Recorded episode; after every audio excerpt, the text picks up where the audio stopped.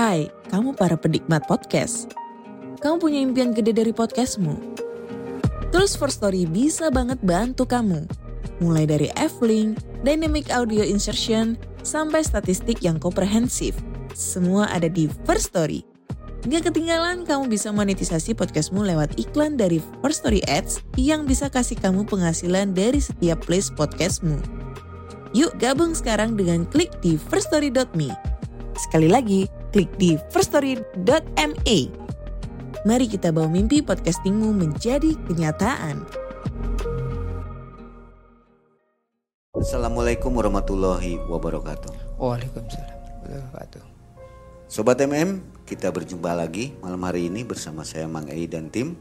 Sebelum Anda tidur, ada baiknya untuk mendengarkan kisah nyata. Yang satu ini kisahnya sangat luar biasa ya. Banyak terjadi di kehidupan kita sehari-hari. Betul. Nah, Pak Kadi malam hari ini akan berkisah tentang kisah nyatanya yang dialami pada tahun 2007. Di mana Pak Kadi melakukan hal yang menyimpang menurut Pak Kadi ya. Betul. Atau menurut kita juga memang menyimpang nih. Iya. Yaitu melakukan pesugihan di kala usahanya sedang bangkrut bisa dikata seperti itu. Nah, sobat MM, akhirnya Pak Kadi ini merasa tidak sanggup untuk meneruskan pesugihannya. Kita coba tanya ya. Itu perasaan Pak Kadi gimana Pak Kadi waktu ingin memutus hubungan dengan jin itu? Berat, Sangat berat Pak ya. sangat berat. Prosesnya berapa lama Pak? Kurang lebih dua tahun kita proses itu. Itu sampai habis segalanya Pak ya. Ya bisa dikatakan bukan habis, portal padel ya. Hancur lebur lah ya. Hancur lagi. Oke baik. Pak Kadi sekarang kegiatan apa Pak? Eh, kegiatan sekarang masih Aktivitas, di Pak ya? aktivitas itu masih di dunia batu. Masih Dunia di perbatu- perbatuan. Jadi apa itu batu alam atau apa? Batu alam. Iya, batu alam. Untuk diekspor atau gimana? Eh, lokal, Di lokal ya. lokal. Oke, baik. Nah, sobat MM, mudah-mudahan semua dalam keadaan sehat walafiat. Kita dengarkan kisah dari Pak Kadi. Silakan Pak Kadi.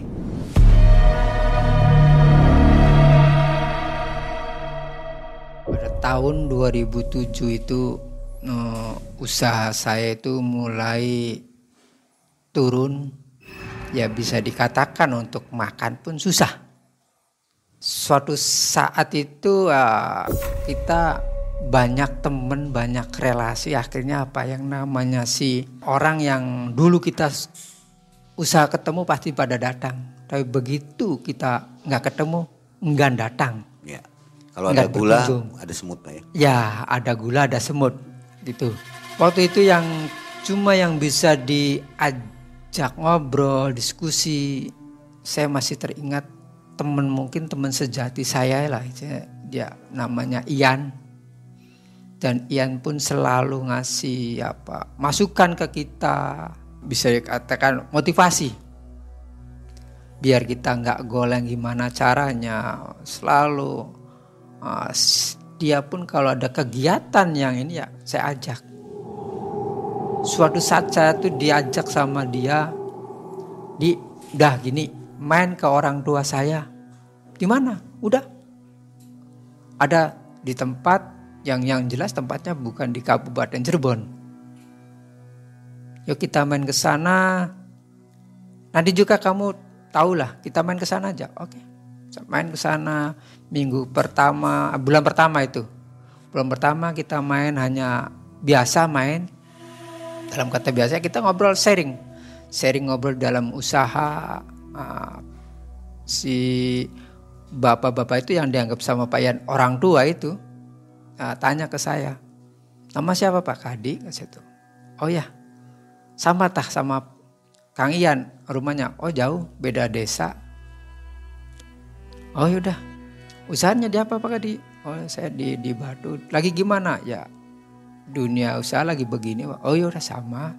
Emang lagi begini. Ah, saya pun nggak nggak nggak paham bahwa Pak Ian ke situ apa ketemu sama orang tua bilang orang tua disangka saya orang tua beneran.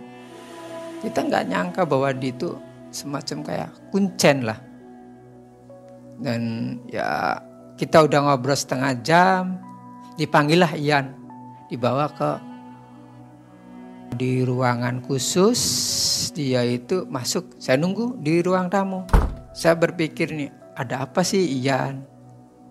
Tapi saya nggak nggak punya pikiran jelek punya pikiran bagus. Oh berarti dia ke orang tuanya itu mungkin mungkin ada pemasukan sendiri. Ya kita pun nggak paham apa yang dia uh, obrolkan di dalam kamar di dalam ruangan itu.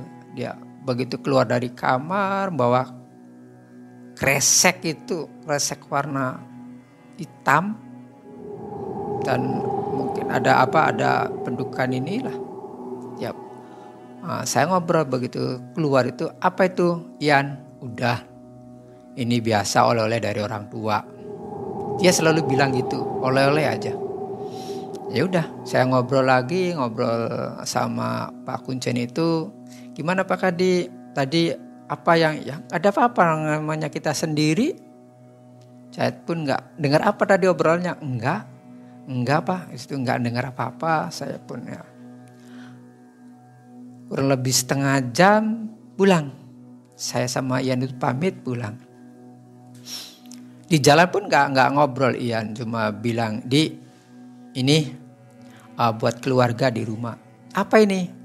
Ya buat keluarga. Se, se kasih uang tapi saya jangan ke saya lah.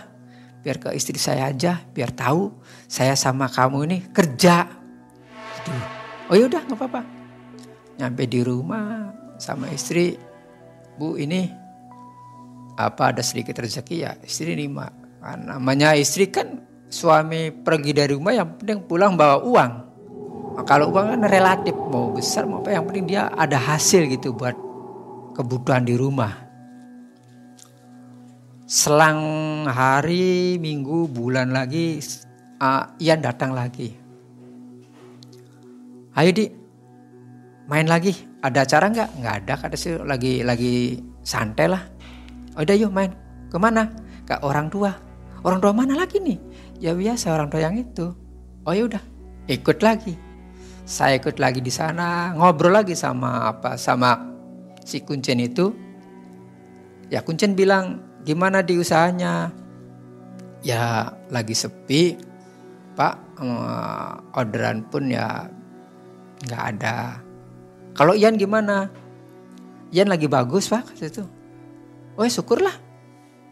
Ian bagus syukurlah dulu kita bisa masuk sekarang baru-baru masuk justru kebalikan. Ian yang masuk saya.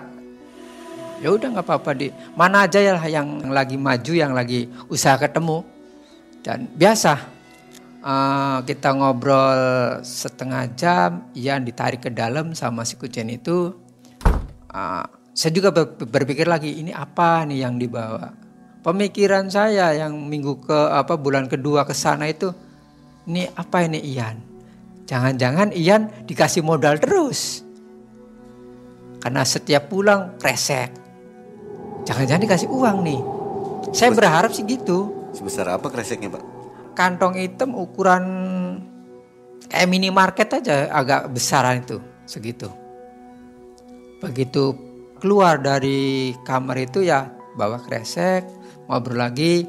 Udah uh, kata si kunjungan itu, di udah jangan segan-segan kalau mau main ke sini main. Gak apa-apa nggak ada Ian juga. Ya kan Jan, ya itu sih hak haknya Pak Kadi, bukan saya. Silahkan aja. Bah, kalau dia kan manggilnya Abah. Silahkan aja bah, saya sih nggak tahu bah. Ya, ya udah. Pulang, biasa di jalan di ini ada sedikit rezeki buat kamu. Udah masih sama istri aja. Nah, menjelang bulan ketiga itu sebelum pemberangkatan di makan dulu. Kamu udah makan belum? Belum. Udah. Singgah di rumah makan Sunda di rumah makan sudah ngobrol. Ngobrol ya istilah obrolannya ya sedikit menjerumus lah. Di saya usaha gini bisanya gini karena berkat abah. Maksudnya gimana Yan? Maksud saya saya usaha itu tergantung sama abah. Makanya saya kalau pulang itu dikasih dikasih kresek itu. Apa itu? Saya kan nanya, apa itu? Yaitu syarat dari abah nanti begitu kita nyampe di rumah baru dibuka. Kasih modal dah. Ya enggak. Udah nanti aja kita cerita ini ya apa posisinya biar kamu pun lebih tahu makanya saya sering diajak kamu. Saya kasihan sama kamu, sama keluarga kamu. Kamu usaha udah berapa tahun tapi kan nggak nggak naik malah terburuk malah turun saya nih dulu kamu yang mengajarin saya usaha begini. Tapi saya udah bisa loncat dari kamu. Bahkan di kebalik, kamu yang saya dukung, bukan kamu yang dukung. Ya kalau saya sih gini, usaha itu real aja lah. Dalam kata real, ya yang di atas sudah bagi rezeki ya, rezeki saya segitu. Ya udah. Ya enggak gitulah di kita orang usaha harus punya setidaknya backing ada yang ngasih jalan ada. Jangan kita fokus hanya sama yang di atas.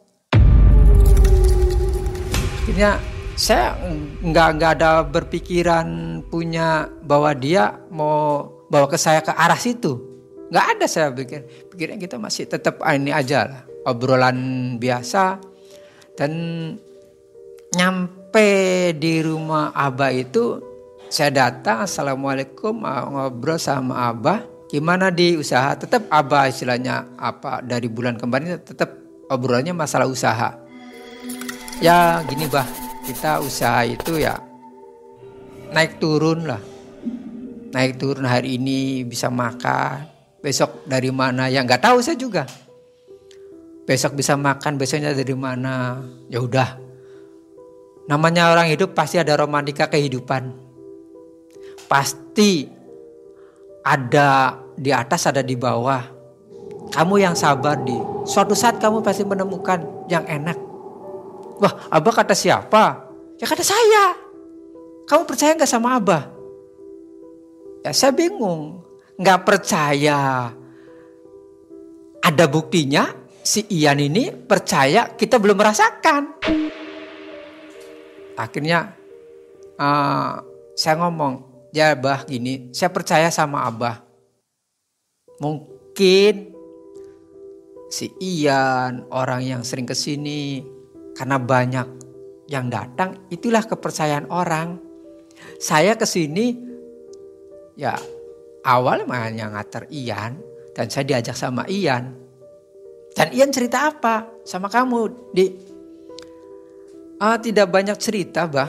Cuma dia hanya sekedar mengulas kehidupan dia aja itu aja bah. Nah melihat kamu, kamu sama Ian gimana? Oh ya jauh bah. Ibaratkan saya naik odong-odong, dia naik mercy. Awal saya mengajarin, tapi kok saya kecalip sama dia. Abah hanya tersenyum. Hanya tersenyum aja. Melihat saya tersenyum. Oh gitu dia. Iya bah. Emang kenapa bah? Saya balik nanya, emang kenapa bah? Enggak, cuma saya tidak mau cerita itu dari Ian. Saya pengen cerita itu dari orang. Jadi saya mau bisa mau membudikan bukan dari Ian, dari orang yang membudikan. Oh gitu bah? Ya emang ya saya, saya sendiri tahu. Ya banyak sekarang orderannya banyak, keluar kotanya banyak. Syukurlah kalau gitu. Abah pun gak pernah cerita bahwa kamu pengen ikut nggak sama kayak Ian seperti Ian? Enggak. Singkat cerita, Ian dibawa ke kamar lagi. Di dalam kamar itu saya saya nggak nggak ini ya begitu keluar dari kamar itu bawa kantong kresek lagi. Saya positifnya, ah oh, berarti ini uang ini tuh. Dia karena kasih subsidi terus makanya dia goal. Di karena apa? Ada yang mendukung dana. Akhirnya saya pulang, ya Ian pun sama gitu. Ini dia ada rezeki ya udah silakan. Dan suatu hari itu Ian datang ke ke rumah saya nyamper di yuk main. Kita pengen ngobrol berduaan nih. Ngobrol apa nih Ian? Udah ada yang saya perlu obrolin sama kamu di ini khusus buat pribadi ya nggak usah di sebarkan ke mana-mana khusus buat kamu sama saya aja. Oke, kapan? Sekarang. Di mana? Kita cari tempat yang nyaman lah. Jangan di rumah kamu, jangan di rumah saya. Di mana? Udah ada saya tempat ini, adalah suatu tempat. Oke lah, jalan. Lewat dari Kabupaten Cirebon itu ada sebuah sawah, ada sawungnya semacam kayak gazebo gitulah. Jauh dari semua hiruk pikuk masyarakat. Hanya yang terdengar suara jangkrik, apa itu. Saya teringat itu, saya dibawa ke sana itu kurang lebih sekitar jam setengah limaan lah setelah Ian punya aktivitas dibawa ke sana. Kita ke sana berdua ngobrol di sana. Dalam obrolan itu Ian secara tidak langsung mengajak ke saya bahwa saya suruh mengikuti jejaknya dia jejaknya Ian. Dan saya pun nggak nggak punya respon sedikit pun karena saya belum tahu apa tujuannya Ian Yan bilang gini ke saya, Di, ya gimana Yan? Ada apa nih? Kamu tumben ngajak saya ke sini jauh dari Kabupaten Cirebon dan di suatu tempat yang sunyi, yang begitu takutlah bagi saya. Cuacanya begini, pas kali seremnya. Yan, nggak tenang aja. Saya nggak ada motivasi buat apa-apa kamu yang jelas saya mau ngejak kamu ke sini itu usaha untuk menyelamatkan usaha kamu, menyelamatkan keluarga kamu dan menyelamatkan kehidupan kamu. Maksudnya gimana Yan? Kamu sampai ngotot gitu tuh Yan. Saya bisa segini, bisa segini suksesnya. Menurut dia sukses berkat Abah. Abah yang mana Yan? Ya saya sering sama kamu diajak ke sana itu. Dan Ian pun sejenak berhenti. Apa seolah-olah dia nangis. Dalam kata nangis itu saya tuh ibah di dulu kamu bisa mengayomi keluarga kamu, bisa mengayomi masyarakat. Sekarang terbalik. Dan di saat itu pun Ian buka semuanya. Saya kalau masuk ke kamar itu di dalam kamar itu apa di? Di dalam itu saya ritual di. Makanya saya kasih waktu di dalam itu satu jam sampai satu jam setengah. Ritual di sana itu. Macam ritual gimana? Yan. Sebelum saya ke sana itu, saya bawa di sebelum sama kamu nih. Saya sengaja sama kamu. Saya dari rumah nggak bawa apa-apa. Tapi sebelum sama kamu saya ke sana itu bawa bunga tujuh rupa kembang kantil yang warna hijau, dugan mer, dugan hijau. Tapi itu dugan bukan sembarang dugan di kelapa muda itu bukan. Hanya yang terpilih yang di pohon ganjil. Ada tiga, ada satu, ada lima. Itu yang saya pilih. Dan saya pun buruin orang. Berani saya beli yang satu kelapa muda itu hampir 200 ribu. Sama yang ngambilnya. Saya berani. Demi apa? Sukses saya di. Dan ada lagi tambahan ayam cemani. Makanya di rumah apa? Saya heran kok banyak ayam yang warnanya hitam. Saya nggak berani nanya lah. Ya itu di.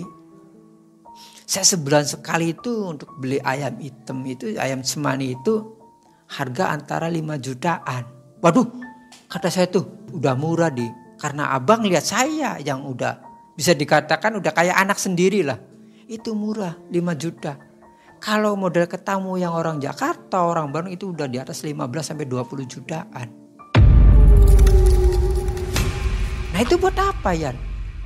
Ya dipotong, diambil darahnya buat sajen. Dan ayam itu dibikin bekakak. Oh gitu ya? Ya sekarang saya memutuskan sama kamu, kamu ikut enggak jejak saya? Ini di sini nggak ada orang-orang di. Memang sekaya apa si Ian ini pak? Si si Ian ini kehidupannya ya mewah. Dalam kata mewah itu ya uh, untuk rumah pun udah melebihi dari orang-orang kita lah. Rumah mewah bertingkat, kendaraan pun setidaknya punya. Taruh sejelek-jelek Innova dia punya. Kalau kita sejelek-jelek motor punyanya. Ada setelah obrolan kita sama Ian, Ian pun uh, menegaskan ke saya, udah ikut jejak saya deh. Saya jamin kamu sukses. Bahkan bisa melebihi saya. Wah, kata situ, kamu ngeyel aja ngomong. Enggak, saya percaya. Kamu banyak relasinya. Saya belajar dari banyak dari kamu untuk di lapangan, untuk ketemuan sama orang, untuk pembicaraan. Saya banyak belajar dari kamu. Tapi apa? Selama ini apa? Justru kamu keterburukan yang ada. Saya sadar. Sesadar-sadarnya saya. Iya, Yan. Saya sadar. Saya sekarang lagi terburuk. Akhirnya dengan uh, Ian selalu menggebu saya, marahin saya. Oke Yan, kalau memang kamu bisa menjamin, oke, saya ikutin kamu. Dengan catatan tidak ada embel-embel dalam usaha ya, dalam keluarga nih Yan. Contoh nih Yan, contoh kecil. Begitu saya sukses kamu embel-embel di orang. Dapat siapa sih sukses? Kalau bukan dapat saya, saya tidak mau. Kita usaha masing-masing Yan. Masing-masing silakan. Kamu sukses ya berarti rezeki kamu. Yang jelas, yang jelas ini di kita tidak mau memutuskan silaturahmi keluarga. Udah intinya saya gitu. Saya banyak bilang balas budi sama kamu. Hanya saya bisa begini jalannya. Bisa membalas budi sama kamu hanya ini jalannya. Barangkali, Yan masih ada kamu kasih modal ke saya berapa? Saya nggak mau modal. Saya takutnya kamu hancur lagi. Gimana mau mengembalikan uangnya? Nanti yang ada saya sama istri saya yang, yang jadi gudreg. Saya nggak mau. Udah. Oke lah. Kalau memang kamu maunya gitu untuk uh, ini saya terima. Jangan catatan saya gitu. Oke siap. Let satu minggu uh, Ian telepon saya, di yang bagus ini harinya hari Selasa, hari kelahiran kamu. Oke siap. Dan hari Selasa pun saya menuju ke lokasi yang disebut kata Ian Abah. Saya sih tidak tahu ya, saya biasa nyebutnya Bapak. Sekarang di kamu panggilnya jangan Bapak, Abah. Ya oke siap. Saya ngikut manut Ian. Akhirnya begitu nyampe di situ perjalanan dari rumah kurang lebih satu jam apa dua jam setengah itu baru nyampe tok tok pintu. Dan di situ abah kebenaran tidak ada lagi di sawah. Kata istrinya, oh Kang Ian, iya bu, abah ada. Oh ada aja lagi di belakang tuh lagi di ini di sawah. Ya udah, saya nunggu di situ setengah jam kurang lebih abah datang Akhirnya ngobrol, gimana dia ada perlu apa ini? Enggak bah, ini saya ngatur Ian aja, biasa bah kata situ. Oh ya udah, nggak apa-apa. Ngobrol sama uh, Ian, ngobrol, begitu ngobrol dan saya pun nyeletuk, bah, gimana di? Gini bah, saya tuh pengen ngikutin jejaknya kayak Ian. Jangan di, jangan gimana bah? Gak enak di, Ya enak sih Ian aja enak ya. Budinya cerita ke saya enak-enak aja bah. Nggak ada yang nggak enak. Dan Ian pun tersenyum. Wah kamu bisa aja. Enggak Ian kenyataannya kan kamu selalu enak hidupnya. Bergelimpangan harta, kendaraan. Bahkan di masyarakat pun kamu lebih dihormati daripada saya. Pak RT pun kalah sama kamu levelnya. Kamu lebih dihormati di dalam kegiatan masyarakat pun kamu lebih. Udahlah jangan bahas yang itu di. Sekarang kita bahas posisi ada di sini saya ada abah. Ya udah. Akhirnya udah gede. Kalau emang kamunya mau cara gitu, ayo kita masuk. Masuk ke mana nih bah? Udah kamu ikut saya aja. Sekarang giliran nih. Yan, kamu nanti. Kang Kadi dulu masuk. Oke, saya masuk ke dalam. Satu ruangan itu apa ada beberapa meja uh, semacam kayak persemedian, ada dugan, bunga apa. Seolah-olah dia udah disiapkan, udah disiapkan segala sesuatunya. Tapi yang saya yang heran itu begitu bagian saya. Kalau Ian kan pakainya apa semacam menyan. Akhirnya saya di situ sebelum ini saya ngobrol dulu berduaan sama Abah saya ngobrol sama Abah, kata Abah, kamu mau bener-bener di kalau saya untuk untuk menunjang di apa di usaha saya siap bah. Apa pun yang terjadi resiko apa pun saya siap. Oh ya udah. Dia tanya, "Kamu lahir hari apa?" Selasa Wage. Oh bagus nih kalau Selasa Wage katanya. Ya, saya saya kurang paham lah masalah itu yang yang mungkin yang tahu lebih abah. Oh bagus. Ya udah. Emang kalau bagus mau gimana lagi bah orang saya Akhirnya abah pun cerita. Ini di Ian itu jujur di saya ngomong sama kamu bahwa Ian itu secara tidak langsung mengikuti pesugihan. Saya di situ bingung, tersentak kaget. Aduh, kenapa nih, Bah? Jangan kaget di. Makanya saya diajak ke kamar yang khusus ini, kamarnya Abah khusus ini, biar orang pun tidak tahu apa yang kita bicarakan. Satu sama lain saya sampai merinding begitu Ian itu ikut pesugihan dan saya pun sejenak terdiam. Keringet keringet dingin pun keluar. Aduh, kata saya tuh ini gimana? Udahlah. Demi saya untuk menutupi apa ekonomi keluarga, usaha. Oke lah. Saya hilangkan semua perasaan itu saya. Hilangkan apa pun yang terjadi saya siap mengikuti jejaknya si Ian ini. Saya siap. Apa pun yang terjadi. Oke. Abah cerita ini di setiap lahir kamu, kamu datang ke sini bawanya apa di ini uh, bunga tujuh warna, bunga kandil kuning, dugan, terus ayam cemani. Itu berapa hari sekali bah setiap hari lahirnya kamu. Dari kamu hari lahir hari Selasa? Iya. Ya setiap malam Selasa kamu ke sini nanti kamu yang ritual nanti saya kasih ininya uh, bahasanya nanti dikasih caranya berarti mulainya kapan bah makanya saya diajak ke sini kamu maunya kapan sekarang apa minggu depan ya oke bah gini karena saya tidak punya untuk menunjang persyaratan itu, Bah. Saya ini dulu, Bah, berpikir ini. Udah jangan berpikir di. Teman kamu si Ian itu udah udah mengadakan. Waduh. Jadi Ian itu udah dua beli satu paket buat Ian sendiri sama kamu sendiri. Semua itu dibiayai sama Ian. Karena Ian pengen nolong kamu dari krisis ekonomi ini, khusus pribadinya, eh keluarganya kamu. Jadi gimana nanti saya bayarnya? Tinggal kamu bicarakan sama Ian aja udah selesai. Tapi Ian ngomong ke saya sih nggak ada. Nggak ada pembayaran apa pun. Yang jelas mulang terima kasih Ian ke kamu. Oke? Saya paling siap itu minggu depan bah Selasa depan saya siap ke sini dan saya siap ikuti saran Abah dan kemauan Abah. Oke, saya keluar dan Ian pun dipanggil. Di luar itu saya berpikir, saya tujuannya untuk bangkit dari keterburukan saya. Saya harus bisa bangkit.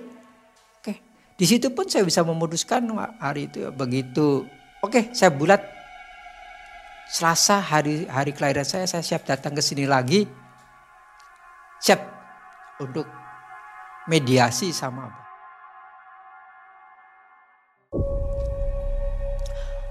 Satu jam kemudian Ian keluar bawa sama bawa bungkusan itu juga. Dan ada sedikit obrolan saya sama Abah sama Ian. Gimana dia? Oke siapa? Nggak ragu? Nggak. Siapa takut? Saya bilang aja gitu. Singkat cerita saya pun ah, hari Selasa kemudian datang ke situ ritual saya dimandikan bunga tujuh warna itu sama diselipkan bunga kantil kuning itu di telinga minggu pertama itu dimandikan dikasih ini wangi-wangi apa satu jam itu saya ditinggal. Nggak ada. Ah, penampakan pun nggak ada apa hanya bayangan bayangan aja. Satu jam abah itu datang. Gimana di? Nggak ada apa-apa bah oh, berarti belum. Karena gini di kalau orang setengah-setengah nih di biasanya agak lama ininya. Meyakinkan dulu. Niat kamunya meyakinkan yakin dulu di. Bah, saya udah yakin, bah. Belum, belum yakin. Jadi gimana, Pak? Dah minggu pertama selesai di sini dulu. Dan nanti selasa depan kamu ke sini lagi. Bah, saya nggak punya udah jangan mikirin masalah itu. Udah ada yang mendukung masalah biaya. Ya udah. Tapi udah kamu sendirian aja. Ian kan setiap bulan ke sini, kamu tiap minggu. Oke. Minggu kedua saya ke situ sama. Udah disiapkan segala sesuatunya, kita ritual minggu kedua hanya nampak bayang. Dan seklebat bayang itu cuma yang terasa wangi. Kalau mungkin kata orang dulu sih wanginya tuh bukan main lah. Malam hari itu jam kurang lebih jam setengah satu sampai jam duaan itu. Wangi, aduh kata itu apa ini? Cuma saya udah tekad, saya nggak masa mau mundur. Saya nggak enak sama Ian yang belain saya. Saya bertahan. Setelah satu jam, Abah nyamper lagi. Gimana di? Tadi bah ada gambaran gini bah. Apa sesosok itu ya belum jelas sosok apa. Cuma dia wanginya nggak kepalang bah wanginya bah. Udah di berarti udah mau titik terang nih kamu udah mulai yakin. Jadi gimana bah? Udah selesai. Saya pulang jam 2 pulang ke rumah istirahat apa. Menginjak minggu ketiga saya pun ke sana lagi. Nyampe di sana tetap ritual yang sama, udah disediakan semua. Uh, saya ritual itu mandi dan beda mandinya ini. Mandi ini ada sedikit bau amis. Kalau yang dua kali kan nggak ada, ini ada sedikit bau amis. Dan saya manut aja sama abah. Dik, jangan ini dia. Enggak, bah.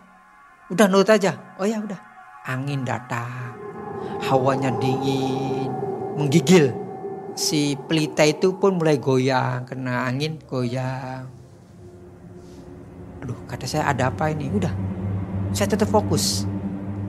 Dan dia baru menampakkan menampakkan sosok tinggi besar hitam. Tapi dia nggak ngomong, cuma hanya menampakkan aja.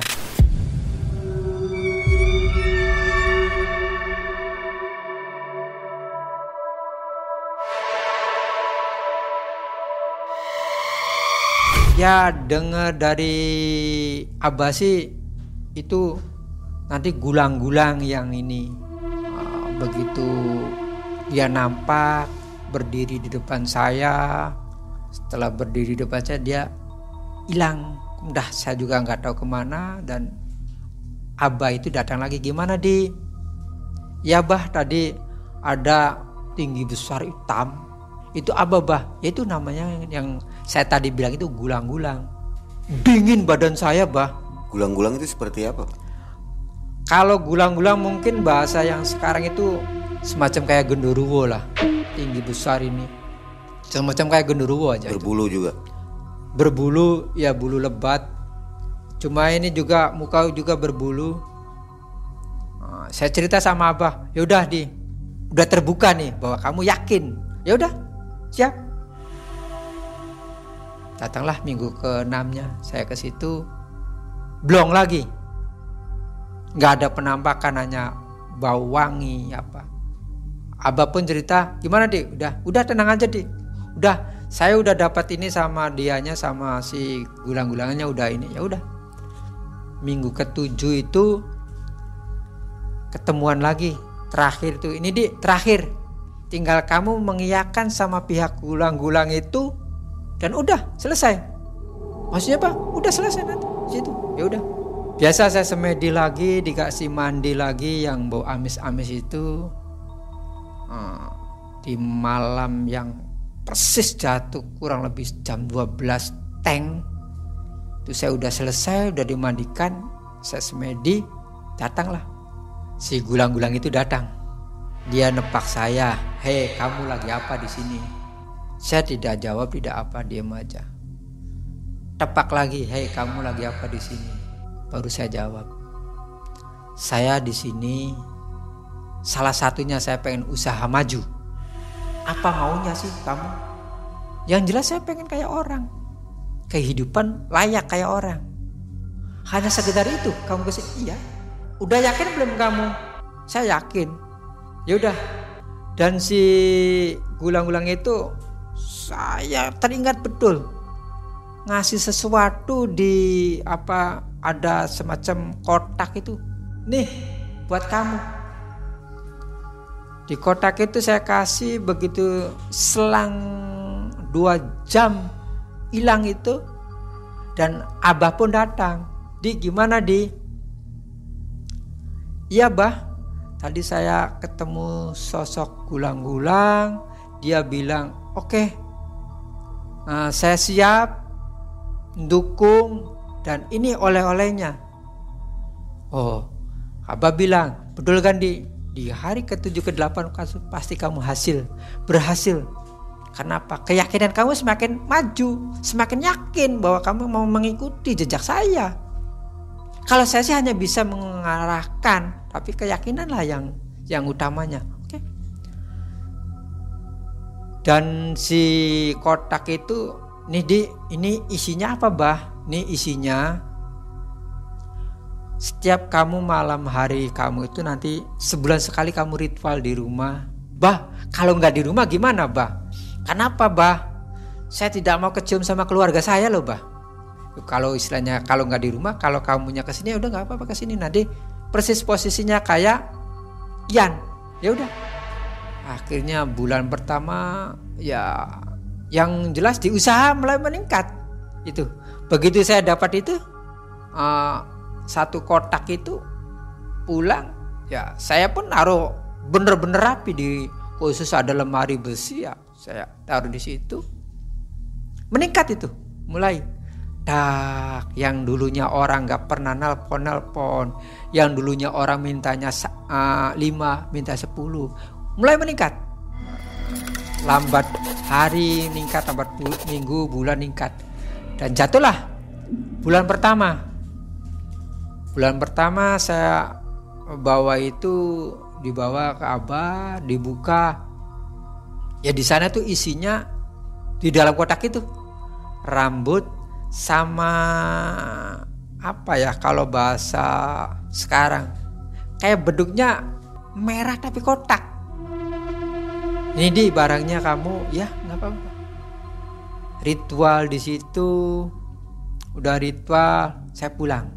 Hampir berjalan itu saya kurang lebih antara 4 sampai 5 bulan itu merangkak usaha naik naik. Singkat cerita bulan kelima itu mulai mulai naik lah pesat lah itu perkembangannya. Kita pun setiap bulan datang uh, biasa sama abah ya abah saya tahu bersini bah ini uangnya ini ininya ini buat abahnya udah nggak apa-apa di jadi saya nggak pernah yang namanya ritual di rumah. Saya tidak mau istri mencium apa anak itu. Saya ke sana lagi. Istri tahunya saya keluar kota. Mau ke mana? Keluar kota. Ya udah, ada urusan kirim barang udah. Di bulan kelima itulah saya tuh di pojokan sama si gulang-gulang itu, si genderuwo itu di pojokan. Dalam kata di pojokan tuh, ya bahasanya halus. Saya pun tidak tahu apa tidak tidak terpikiran lah bahwa nanti adanya embel-embel. Oke?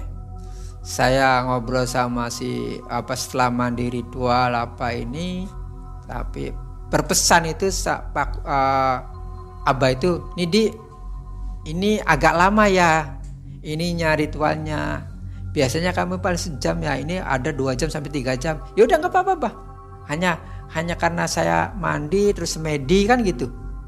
Udah nggak apa-apa. Dan angin pun datang besar. Pas angin besar tiupan rasa banget. Saya pun merinding waktu itu ya merinding bau bau wangi pun sekamar itu wangi semua baunya datang itu di situlah letak saya si malakamanya itu dia ngomong ke saya kamu sekarang usaha bedakan ya gimana untuk di lapangan semua beda Ya kayak kita ada interaksi gini. Semua beda. Oke. Saya mau mengajukan satu syarat sama kamu. Apa itu? Kalau kamu belum tahu syarat saya nanti tinggal kamu nanya ke ajudan saya. Oh ya udah. Nih syarat saya saya pengen pepes gerami sama ikan pluma. Luma. Ikan apa itu? Kalau mungkin orang Sunda bilang sih buntur. Guntur ya. Iya. Dalam hati saya, wah kecil kalau ikan gerami sama kluma kan banyak di pasaran. Saya milihnya gerami dong. Kalau gerami kan lebih besar. Mungkin hasilnya kan pun lebih besar kan gitu. Oke. Kalau kamu belum mengerti, tanya ke ajudan saya ya. Ya udah. Selesai saya ritual itu, eh, saya ini abah pun datang. Gimana di? Gini bah, Tadi itu saya diajukan bah sama si itu tuh bah. Apa jadi? Dia tuh mau pepes bah. Pepes apa di? Gurami sama kluma. Ya saya milih yang gurami bah. Lebih besar ikannya. Mungkin penambahan pun lebih banyak ke saya. Abah pun tersenyum. Kasih gambar itu tersenyum ke saya. Di jangan dulu kamu bangga ya. Itu bahasa itu bahasa bahasa tumbal. Loh, baca gimana, Bah? Bahasa tumbal itu. Kalau ikan gurami itu bahasanya bahasa setan lah. Kalau ikan gurami ya istri kamu. Kalau ikan kluma ya anak kamu. Di situ pun saya ngek. Saya percuma dong usaha mewah ketemu tapi salah satu dipenggal.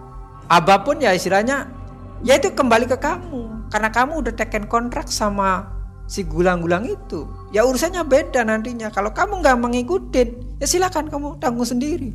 Saya tidak mau ikut campur ini. Sama loh posisinya. Ian pun sama gitu. Setelah pulang dari situ saya pun cari sesuatu ke perguruan ya di situ pondok pesantren saya cerita sama si kiai itu kiai pun secara langsung nggak percaya nggak ada di zaman sekarang tuh pak ya, yang namanya ini tuh tapi saya yang menjalankan pak kiai nggak ada kamu kegiatannya hari apa malam selasa pak kiai oke kalau malam selasa Begitu malam Selasa, saya dideksi ini. Saya lihat nih dari sini kegiatan kamu. Kiai pun gak kuat satu. Akhirnya saya coba ke kiai kedua. Sama posisinya gak kuat. Kiai ketiga yang nama Kiai Oman itu baru. Di kamu datang sama berapa kiai ini di? Sama Kiai Oman ketiga. Ya udah. Yang Kiai dua orang itu jadi satu aja suruh ke sini. Emang gimana Pak Kiai? Ini bukan lawan kamu. Kamu udah macam-macam. Dalam kata macam, kamu perjanjian nah? Saya nggak ada perjanjian waktu itu Pak Kiai. Saya hanya ingin usaha saya cepat pulih, cepat berkembang. Dan inilah akibatnya. Dan saya pun di situ. Jadi gimana solusinya Pak Kiai? Udah, kalau modelnya yang gini urusannya saya sama si gulang-gulang itu. Sayanya gimana? Udah kamu diam diri dan banyak dikir, banyak sholat. Dan kamu kalau setiap malam selasa nggak usah datang. Biar saya yang datang. Ya jangan Pak Kiai. Udah. Udah keluar dari jalur ini tuh. Akhirnya uh, Kiai yang dua itu saya pertemukan sama Kiai Oman itu tiga orang jadi satu. Saya itu direjeng di tengah-tengah malam Selasa itu saya suruh sholat dulu, sholat hajat malam, pakai pun wiridan apa, direjang. Dan di situlah yang tiga kiai itu perang besar-besaran. Dan datang si gulang-gulang itu ya angin besar. Sampai jubahnya Pak Kiai itu terhempas. Semua topinya. Kata Pak Kiai, awas di kamu banyak-banyak berdekir nih. Baca ini, baca ini. Ini mau datang. lihat nih angin. Iya Pak Kiai.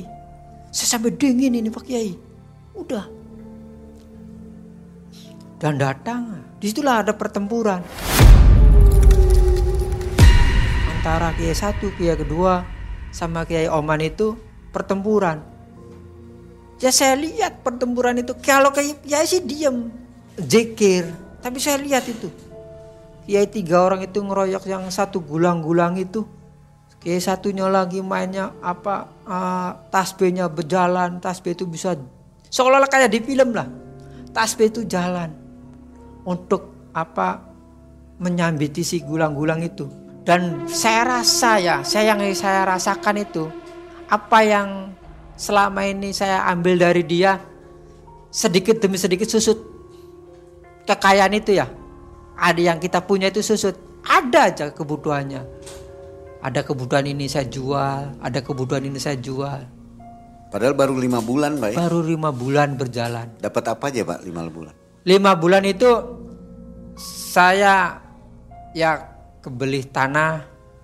Oh cepet juga berarti? Ya, ya enggak enggak banyak sih nilainya lah. Kalau di kampung kan masih per bata ya. Kebeli kendaraan uh, setidaknya umum lah kendaraan motor sama mobil pun nggak terlalu mewah saya masih masih di bawah Ian lah standar lah ya. iya masih di bawah ya standar aja umum ya itulah dengan kejadian itu sedikit demi sedikit hilang punya kita itu. Ya ada kebutuhannya. Kadang-kadang anak sakit otomatis saya punya ini udah jual. Yang penting saya utamakan keselamatan anak. Dan kembali lagi normal seperti yang dulu saya hidup hari ini makan besok apa lagi. Dan sampai sekarang pun masih yang namanya si gulang-gulang itu menghantui. Sebulan sekali masih datang. Sampai sekarang? Sampai sekarang pun masih datang. Dan bahasanya apa? Ayo sih. Ayo sih. Saya nggak jelas. Terus bujuk ya? Selalu bujuk. Berarti berapa kiai Pak untuk memutus ke memutus Tiga kiai itu. Tiga kiai.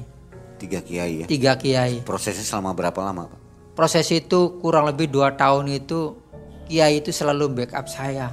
Setiap ah, hari saya itu hari Selasa itu dia selalu taruh saya nggak ada dia ngumpul. Dan saya banyak utang budi sama kiai.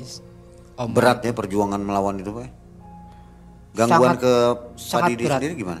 Gangguan ke saya pun ya saya seolah-olah kayak orang gila jadinya semua ngeblank. Dan Kiai pesan ke saya, ini di prosesnya begini, nanti kamu begini, nanti kamu ngeblank. Udah. Saya pengen sembuh kata si Pak Kiai. Saya tidak mau bergelut sama si gulang-gulang itu. Udahlah. Untung ya Pak Kadi ini segera sadar ya.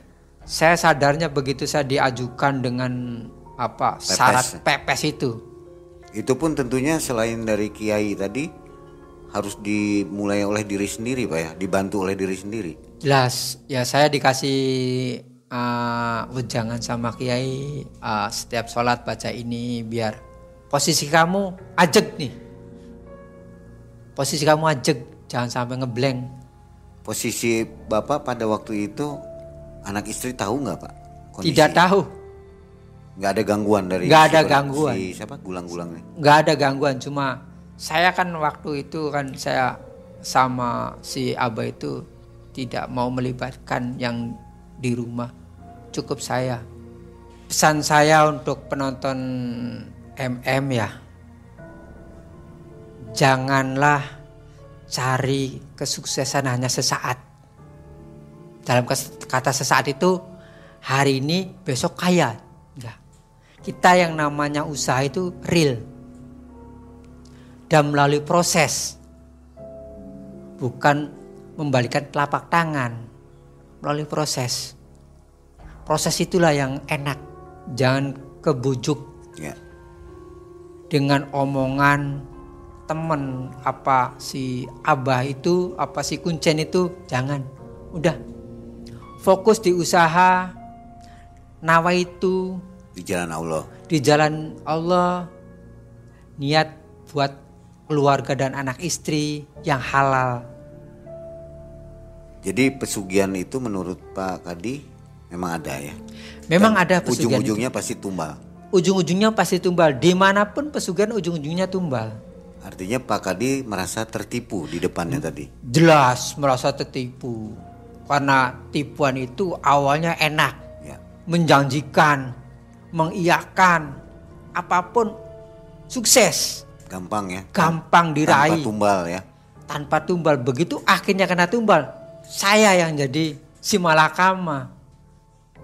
Saya tidak mau itu untuk pemirsa MM yang kejebak di arah situ. ya. Amit-amit jangan. segera bertobat ya. Iya, Oke, baik.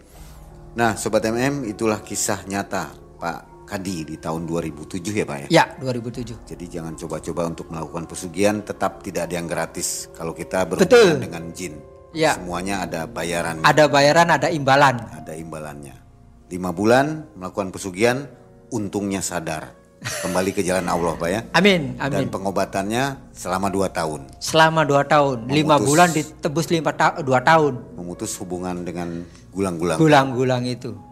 Oke, sobat MM, ingat jangan coba-coba dan goib itu memang ada, pesugihan pun memang ada. Kuatkan iman kita, Amin. selalu takwa kepada Allah Subhanahu wa taala. Begitu saja mungkin. Terima kasih Pak Kadi atas kisah yang menarik ini. Akhirnya Mang Ai dan tim undur diri. Assalamualaikum warahmatullahi wabarakatuh.